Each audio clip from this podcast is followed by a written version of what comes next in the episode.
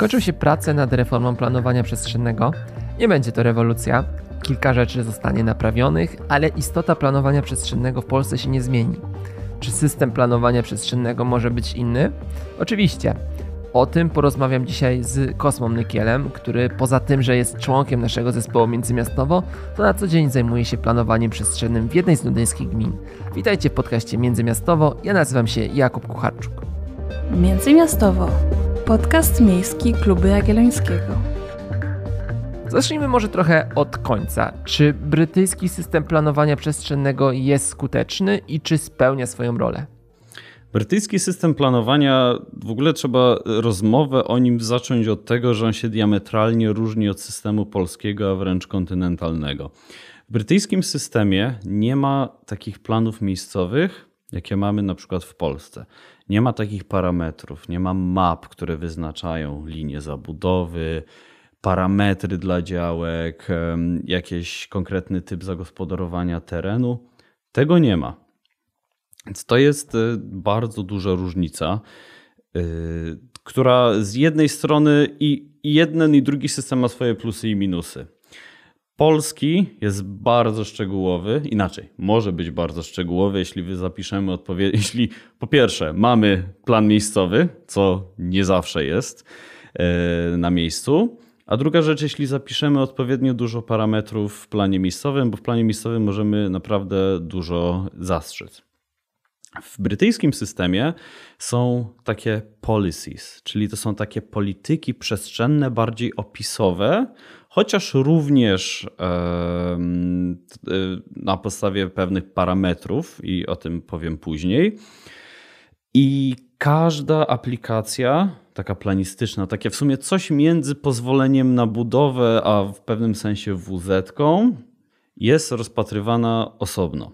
Tak? I taki proces planistyczny trwa od powiedzmy dwóch miesięcy, od nawet małych rozbudów domu, bo to również wymaga pozwolenia planistycznego. Jeśli na przykład chce się przebudować dom i zbudować jeszcze jedno piętro, czy, przy, przy, czy rozbudować w bok, czy do tyłu, to nawet kilku lat, jeśli mówimy o naprawdę dużych inwestycjach mieszkaniowych czy, czy, czy infrastrukturalnych. Ten system bardzo często określa się jako właśnie nieefektywny w pewnym sensie, że jest bardzo powolny, zbiurokratyzowany i przez niego powstaje tak mało mieszkań, co nie do końca jest prawdą, bo jest to w dużej mierze narracja deweloperów, którzy siedzą na bankach ziemi przez e, wiele lat i jakby te swoje pozwolenie już uzyskane naprawdę im zajmuje bardzo długo, żeby w ogóle je zrealizować.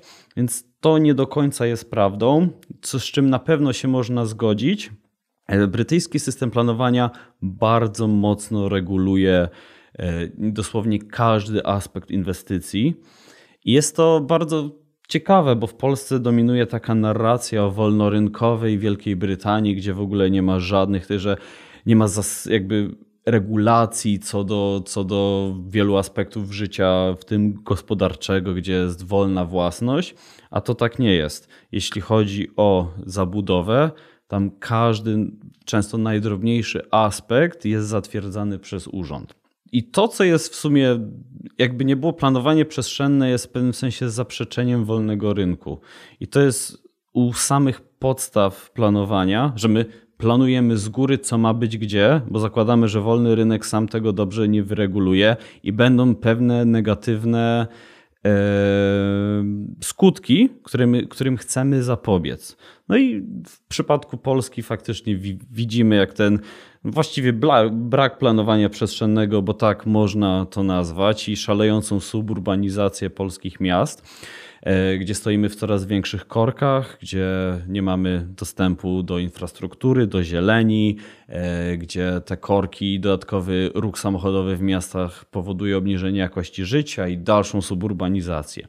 Temu wszystkiemu moglibyśmy zapobiec, gdybyśmy mieli dobry system planowania. Dzięki temu, że w Wielkiej Brytanii ten system jest bardzo dobry, to w większości przypadków, oczywiście nie wszędzie, bo, są, bo to jakby nie było zależy od samorządu, jak to jest realizowane, yy, udaje się temu za, zapobiec. Czyli system jest skuteczny, co do zasady. Jest skuteczny, bo w dużej mierze ogranicza te negatywne skutki rozwoju. Dobra, to wspomniałeś e, trochę o tych deweloperach i o różnych zarzutach, które się wobec tego systemu gdzieś tam są artykułowane, e, ale powiedzmy sobie tak e, trochę wprost, jakie są, no bo system planowania przestrzennego oczywiście pełni funkcję planistyczną, w Polsce do tego się tak naprawdę ogranicza, ale ten brytyjski ma również inne funkcje i jakie to są te funkcje? To, co jest ciekawe, czego nie ma w ogóle w Polsce, to jest powiązanie systemu planowania z polityką mieszkaniową. Y, każda gmina ma narzucony taki housing target, tak? Y, ile powinna zbudować mieszkań przez najbliższe 15 lat. To jest wyliczane na podstawie takich analiz ekonomicznych, demograficznych i ta gmina powinna przez to 15 lat zrealizować ten target. I to I narzuca jakby centralnie, to jest centralnie narzucone, tak? To jest centralnie, to jest na, narzucona jest metodologia centralnie, natomiast każda gmina musi sama sobie wyliczyć ten target, natomiast to potem jest weryfikowane. Każda z tych strategii, o których ja mówiłem, to jest połączenie właśnie tego tych potrzeb mieszkaniowych, ale nie tylko mieszkaniowych, bo również potrzeb na przykład na przestrzeń biurową czy przemysłową i y, zestawienie tego z wymaganiami co do już jakości każdej z inwestycji. Więc y, to jest dość ciekawa rzecz. Mm, każda z gmin, przygotowując taki plan, musi właśnie wyliczyć, ile potrzebuje mieszkań, jakich potrzebuje mieszkań. Czy to są na przykład kawalerki dla młodych, czy jest niedobór na przykład takich, czy dużych domów dla rodzin, tak? To i, na pod, I to nie jest tak jak w Polsce, że deweloper może sobie zbudować cały blok kawalerek yy, i koniec. Nie, bardzo często się zdarza, że urzędy odrzucają takie propozycje, bo one są niezgodne z, jakby z obiektywnie wyliczoną potrzebą mieszkaniową.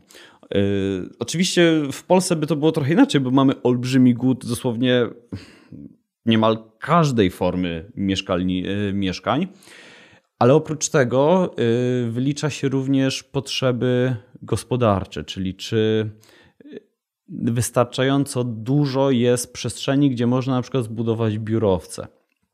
W Wielkiej Brytanii też coś, co nie funkcjonuje w Polsce, to są tak zwane green belts, czyli takie zielone pasy wokół miast. To wprowadzono razem z reformą i stworzeniem obecnego systemu planowania po II wojnie światowej, kiedy zadecydowano, że miasta nie mogą się tak rozlewać, że trzeba temu położyć kres bo miasta brytyjskie właśnie w dwudziestoleciu międzywojennym straszliwie się rozlewały. Było no coś podobnego do tego, co doświadczamy w Polsce, że wykupowano całe pola im bliżej głównie stacji kolejowej, to chociaż jest taki plus, e, i budowano tam nowe domy.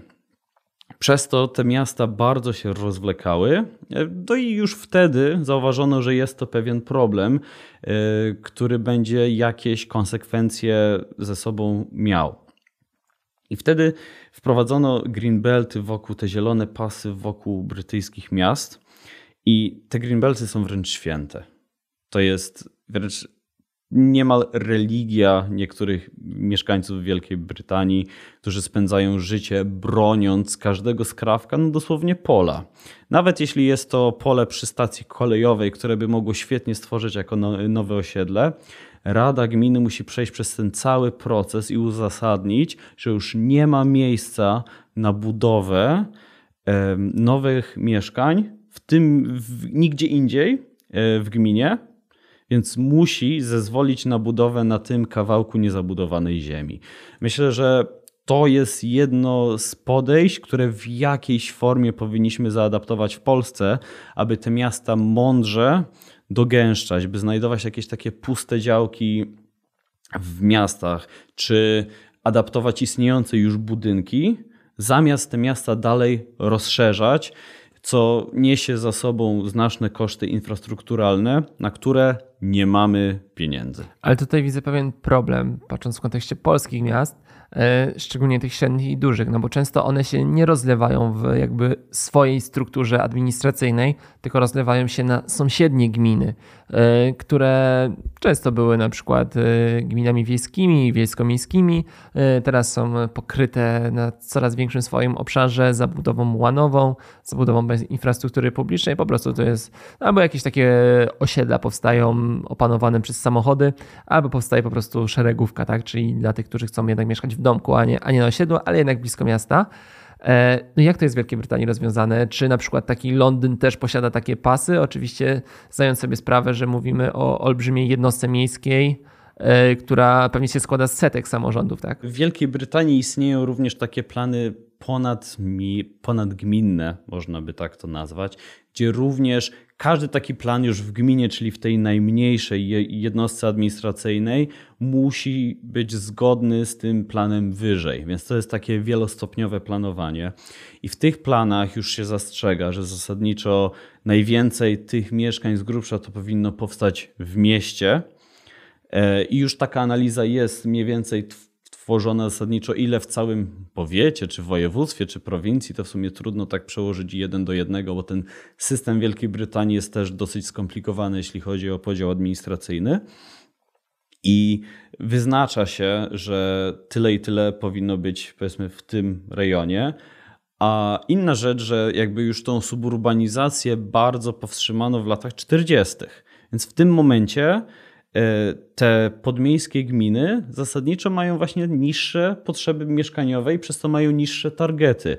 Więc wtedy nie lokuje się tego wzrostu w tych małych podmiejskich gminach czy miasteczkach, tylko ten wzrost kieruje się do miasta. Również trzeba wyliczyć potrzeby infrastrukturalne. Czy jest wystarczająca infrastruktura i jak ją sfinansować? I tutaj, o czym na pewno jeszcze co rozwinę później, Deweloperzy dokładają się do infrastruktury, ba, oni nawet się dokładają do budowy mieszkań dostępnych. Także to nie jest tak, że tylko gmina buduje tanie mieszkania na wynajem. Nie, deweloperzy również są zobowiązani w Londynie nawet do przekazania do 40% wszystkich mieszkań na cele powiedzmy komunalne czy społeczne. To jest też ważna rzecz. Więc nie zachodzi aż taka prywatyzacja zysków i upublicznianie kosztów, jak to ma miejsce w Polsce.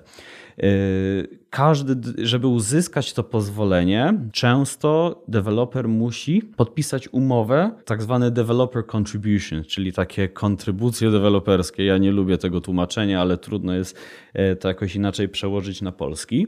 Przyjmijmy, że jest jakiś standard zapewnienia zieleni na terenie inwestycji, takiej zieleni użytkowej dla mieszkańców. No i ten deweloper jednak nie, wy, nie przeznaczył wystarczająco i powiedzmy, że nie ma jak bardziej tego zaadaptować, a w pobliżu jest jakiś park. To gmina mówi: OK, daj nam 20 tysięcy funtów na nowy plac zabaw. A deweloper mówi: OK, no i jakby to jest wymóg, żeby dostać to pozwolenie, on musi się dołożyć do na przykład nowego placu zabaw. Albo musi się dołożyć do budowy nowego przystanku. Albo musi opłacać funkcjonowanie linii autobusowej przez ileś lat. Albo co jeszcze jest wprowadzone bodajże od 10 lat w Wielkiej Brytanii, czyli SIL, Community Infrastructure Levy. To, o czym mówiłem wcześniej, jest negocjowalne i zależy od konkretnej potrzeby w danej okolicy. Natomiast SIL to jest taki płaski podatek od każdego metra netto powierzchni e, użytkowej. Więc e, jeśli i ten podatek się waha w zależności oczywiście od wartości ziemi, natomiast w Londynie, w, w gminie, w której ja pracuję, on waha się od 80 do bodajże 220 funtów za metr kwadratowy, przy czym on z każdym rokiem jest indeksowany o wartość inflacji. Więc to nie jest tak, że gmina w zasadzie traci te pieniądze, tylko to idzie cały czas e, razem z, z, z, wartością pieniądza. Ale kto płaci ten podatek, jak rozumiem? Deweloperzy, tak. I potem jak już sprzedadzą mieszkania również? E, deweloper to płaci jak zaczyna budowę. Okay. Więc, Czy to jest jednorazowy, tak? W sensie to jest jednorazowa opłata. Tak, to jest jednorazowa opłata. Yy, ona jest wyliczana już na początku przy okazji ubiegania się o pozwolenie na budowę i deweloper sobie to wrzuca w koszta. Po prostu to jest jego koszt i to już jest uwzględniane w ogólnym rozliczeniu. I dzięki i faktycznie oczywiście można powiedzieć, że część tych pieniędzy jest przerzucana na yy, te koszty przerzucane jest na konsumentów, ale jeśli chodzi o na przykład te mieszkania dostępne, zasadniczo, ja nie będę tutaj wchodził w szczegóły, bo to jest bardzo, e, to jest dość skomplikowane i nie chcę o tym aż tyle, na tym tyle się rozwodzić. Napisałem o tym tekst dla klubu Jagiellońskiego, więc... Tak, na pewno go zalinkujemy w opisie do tego odcinka, więc już teraz polecamy. I ogranicza się to marżę deweloperów zasadniczo do 15%, więc w ten sposób też trochę ogranicza się ten wzrost i takie nieproporcjonalne przekładanie e, marży na praktycznie mieszkańców. No tak, czyli coś, o czym pewnie każdy każdy z słuchających odcinek pomyślał, gdy mówiłeś o tych zaletach, e, mhm. co deweloper musi zrobić i ile rzeczy musi sfinansować, pewnie sobie każdy pomyślał, no ale pewnie przerzuci to na końcowego odbiorcę. Mhm. E, no w tym systemie, jak rozumiem, są takie bezpieczniki, o czym więcej piszesz w tym wspomnianym już tekście. Czy deweloper musi jeszcze coś w takim razie zrobić, żeby dostać pozwolenie na budowę? Czy te zobowiązania, które są zapisane w systemie, jakby jeżeli je już zrealizuje, no to może budować? No właśnie tych zobowiązań to są tylko takie zobowiązania powiedzmy finansowe, o których wspominałem. Jest jakby jeśli faktycznie jest potrzeba, to musi budować. Na przykład jest często tak, że y, deweloper chce zbudować na jakimś polu nowe, nowe osiedle, a gmina mu odmawia, bo mówi, że w tej gminie nie ma, nie ma potrzeby. Czyli tak jak wspomniałeś, nie ma mapek, więc nie ma obszary nie są przeznaczone pod konkretną zabudowę, więc za każdym razem gmina musi dać decyzję. Jest tylko jedna forma mapki, to jest tak zwane site allocations, czyli przeznacza się konkretne działki pod konkretne y, formy, formy użytkowania, mhm. czyli na przykład biura, pod mieszkania i w ten sposób, i oczywiście przy tworzeniu tej mapki, tych działek, gdzie coś może być zbudowane, rozmawia się z deweloperami, mówi się, dzień dobry, czy Państwo są zainteresowani tutaj zbudowaniem mieszkań? Super, a mniej więcej ile i kiedy? I wtedy tworzy się taką projekcję, gdzie, w jakim czasie i czy właśnie przez 115 lat osiągnie się na przykład ten y, cel mieszkaniowy czy biurowy. Wracając do tego, co musi zrobić deweloper. Deweloper musi zrobić bardzo dużo. Y, w przeciwieństwie do Polski, gdzie wielkość mieszkania regulowana jest jedynie tym, że nie może być mniejsze niż 25 metrów, to w Wielkiej Brytanii każda, każde mieszkanie, czy jednopokojowe, dwupokojowe, trzypokojowe i tak dalej, w zależności czy na jednym piętrze, na dwóch czy na trzech, ma minimalną powierzchnię, którą musi osiągnąć. Z głowy będę mówił, że najmniejsza kawalerka, jaka może powstać, to jest 37 metrów, a najmniejsze mieszkanie dwupokojowe to jest 50 metrów, a najmniejsze trzypokojowe to jest 61. Więc to jest jeden z wymogów, które deweloper musi zrealizować, przynajmniej w Wielkiej Brytanii, przynajmniej w Londynie, ale to też prowadzają inne gminy. Są też e, standardy co do balkonów, co do na przykład powierzchni ogródków. E, bardzo dużo poświęca się szeroko pojętemu rozkładowi mieszkania, czyli na przykład mieszkania dwupokojowe, e, przepraszam, trzypokojowe muszą mieć okna na przynajmniej dwie strony świata, żeby zapewniać jakąś wentylację. Bardzo dużo uwagi się poświęca na przykład normom hałasu czy zanieczyszczenia powietrza. Jeśli jest zbyt duży hałas, to budynek musi być odpowiednio wyciszony.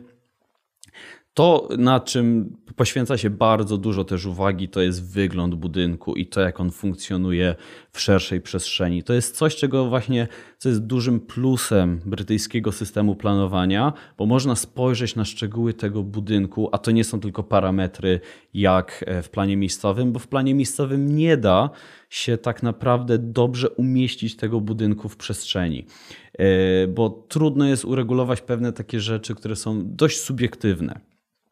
Także y, to jest coś, co jest mocno regulowane, gdzie deweloper musi szczegóły elewacji na przykład podać, albo szczegóły tego, jakie rośliny będą na przestrzeniach wspólnych. To też jest w pewnym sensie regulowane, bo niektóre gminy preferują bardzo słusznie e, gatunki rodzime. Mówi się też bardzo dużo o energooszczędności. Na etapie e, ubiegania się o pozwolenie na budowę, to planning application, deweloper musi wykazać, że przynajmniej w Londynie w tym momencie jest tak, że zasadniczo ten budynek musi być e, zero carbon, czyli musi być neutralny. E, Zeroemisyjny. Zeroemisyjny, jeśli chodzi o dwutlenek węgla. Mhm. I jeśli tego nie ma, to płaci. I płaci tak zwany carbon offset, czyli on offsetuje te emisje przez 30 lat funkcjonowania budynku, które potem gmina musi przeznaczyć na jakieś działania, które właśnie też właśnie offsetują to. Natomiast punktem wyjścia jest e, zeroemisyjność. I to jest przez ostatnie od kilku lat bardzo mocno przestrzegane. E, I to jest kolejna rzecz, którą myślę powinno się wprowadzić w Polsce, czyli takie bardzo ostre normy emisji, bo jakby nie było, emisje z budownictwa odpowiadają za znaczny y, znaczny odsetek wszystkich emisji dwutlenku węgla, co również jest ważne, coraz częściej w Anglii się mówi o emisyjności w całym cyklu życia budynku, czyli coraz częściej y, odmawia się pozwolenia kiedy deweloper chce wyburzyć budynek i postawić bardzo podobny. To wtedy samo wyburzenie ma, że tak powiem, duży ślad węglowy i potem budowa jeszcze raz to podwaja. A adaptacja jest może droższa w pewnym stopniu dla dewelopera, natomiast jej efekt na środowisko jest dużo mniejszy, więc to podejście również zaczyna dominować. Mówi się bardzo dużo o transporcie. W Londynie znaczna część inwestycji mieszkaniowych nie ma żadnego miejsca parkingowego poza miejscem dla niepełnosprawnych. I nie tylko w miejscach, które mają 5 minut do metra, ale również w nieco bardziej oddalonych od, od stacji metra lokalizacjach. Bardzo duży nacisk kładzie się na e, przechowalnie dla rowerów i w tym momencie na jedno mieszkanie musi, muszą być dwa miejsca parkingowe dla rowerów. Odpowiednio oczywiście umieszczone, odpowiednio zaprojektowane, więc to jest też bardzo ważna rzecz. To jest charakterystyczne tylko dla Londynu, czy Nie. inne miasta też takie wprowadzają? Inne rzeczy? miasta również wprowadzają takie rzeczy. Oczywiście to się różni od, y, na, na podstawie potrzeb mhm. każdego z miast. Każde miasto może sobie te swoje standardy wyznaczyć. Natomiast jest duża presja społeczna, żeby te standardy były dość dobrej jakości. W ogóle jeśli chodzi o zaangażowanie mieszkańców w proces planistyczny Wielkiej Brytanii ono jest bardzo duże, a powiedziałbym, że czasami aż zbyt duże. Y, kolejna rzecz to jest zrównoważone zarządzanie wodą, czyli retencja wody opadowej i gospodarka wodą, to również jest oceniane na etapie y, tego wniosku. Kolejna rzecz to jest wodooszczędność. Y, deweloper musi pokazać, jakimi jakimi y, sprzętami AGD wyposaży mieszkanie, bo w Anglii nie sprzedaje się większości mieszkań w stanie deweloperskim, tylko już wyposażone. I musi pokazać, jakie sprzęty AGD zakupił do tego mieszkania, żeby nie przekroczyć zużycia wody 110 litrów na osobę na dzień. To są takie rzeczy, który wydaje mi się, że w Polsce jeszcze nawet nie, nie myślimy, a powinniśmy, bo wody mamy dużo mniej na mieszkańca niż Wielka Brytania i z każdą suszą jakby widać, że tej wody jest dużo mniej. Ale coś, co pomaga w tej aktywności społecznej, to jest to, że na stronie internetowej każdej gminy można znaleźć wykaz wszystkich aplikacji, które zostały złożone wraz z adresem, kto je złożył, wszystkimi rysunkami całego budynku oraz wszystkimi analizami i dokumentami wspierającymi tę aplikację.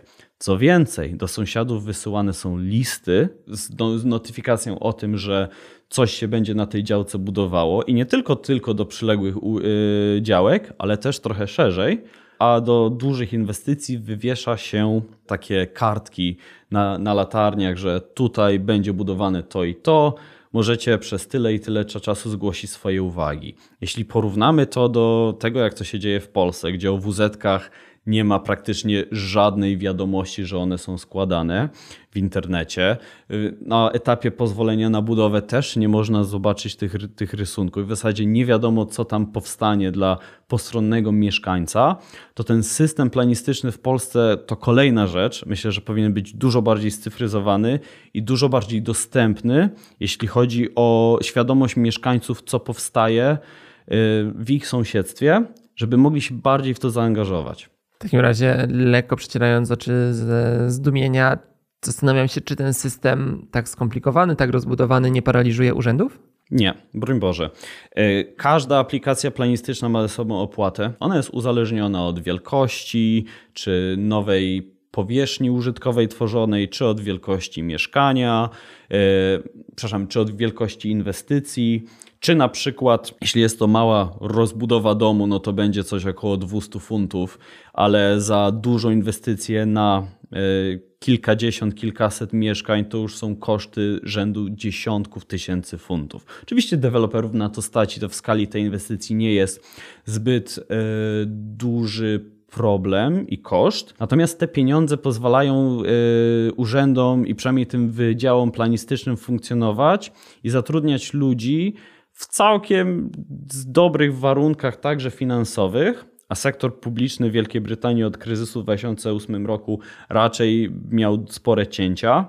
Planowania to nie y, ominęło, natomiast te warunki finansowe i w ogóle sprawność jest lepsza niż na przykład w innych e, wydziałach. Oczywiście e, niektóre gminy są niedofinansowane i to też oczywiście zależy od zarządzania taką gminą. Tak samo jak w Polsce są gminy bardziej i mniej sprawne.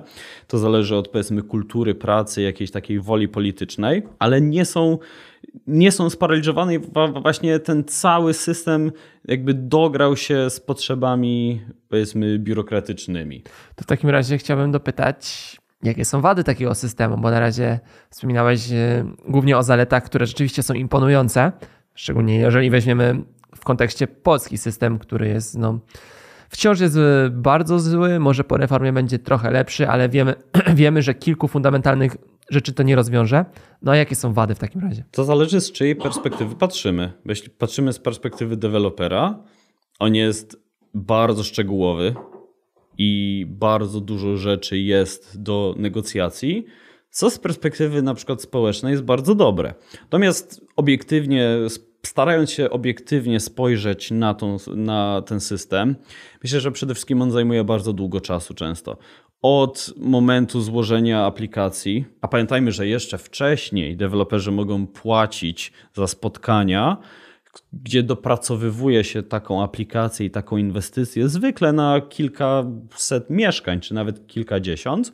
I to również są naprawdę spore pieniądze, również liczone w dziesiątkach y, tysięcy funtów za, ta, za cykl takich spotkań.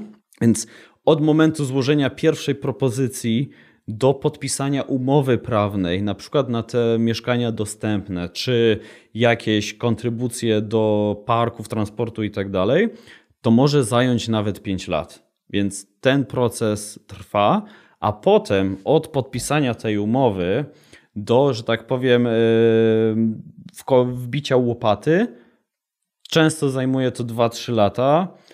Więc jest to taki, jest to powiedzmy dość czasochłonny proces.